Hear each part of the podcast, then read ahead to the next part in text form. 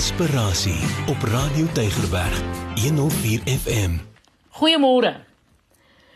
Nou kyk, daar kom tye in 'n mens se lewe.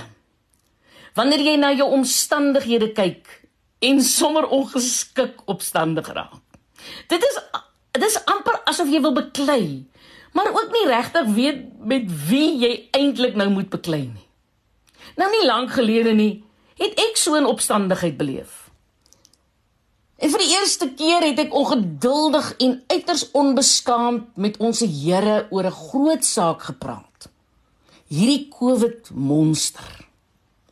En in my stil wees het hy my weer eens kom herinner aan die waarde van gesonde gedagtes. Om dit te dissiplineer en onder beheer te bring, is een van die eerste stappe om jouself te bevry van die laste van die wêreld en om die lewe te geniet ten spyte van aanslag. Ons kan nie die gebeure en omstandighede van die lewe beheer nie. Slegs ons reaksie daarop.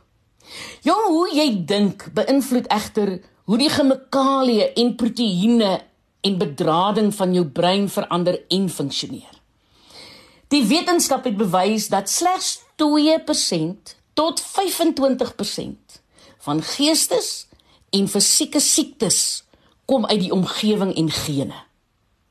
Die res is as gevolg van verkeerde denkpatrone.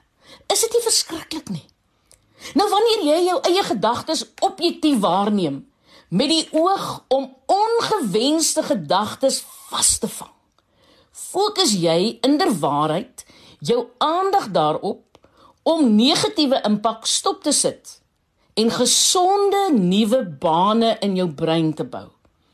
As ons gedagtes van wanhoop nie vasgevang word nie, kan dit potensieel lei tot 'n spiraal van verwarring en wisselende vlakke van geestelike wanhoop.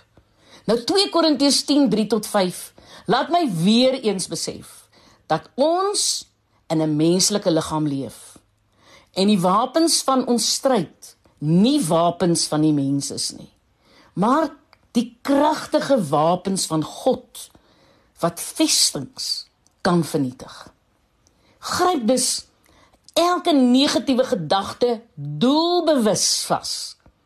En dan vervang jy dit doelbewus met gedagtes van hoop, ongeag wat jy om jou sien en hoor.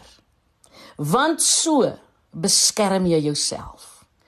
Wanneer jy met hoop lewe, sal jy ook vrede en blydskap ervaar ongeag jou omstandighede. Ek is Lenet Beer vir inspirasie op Radio Tygerberg 104 FM.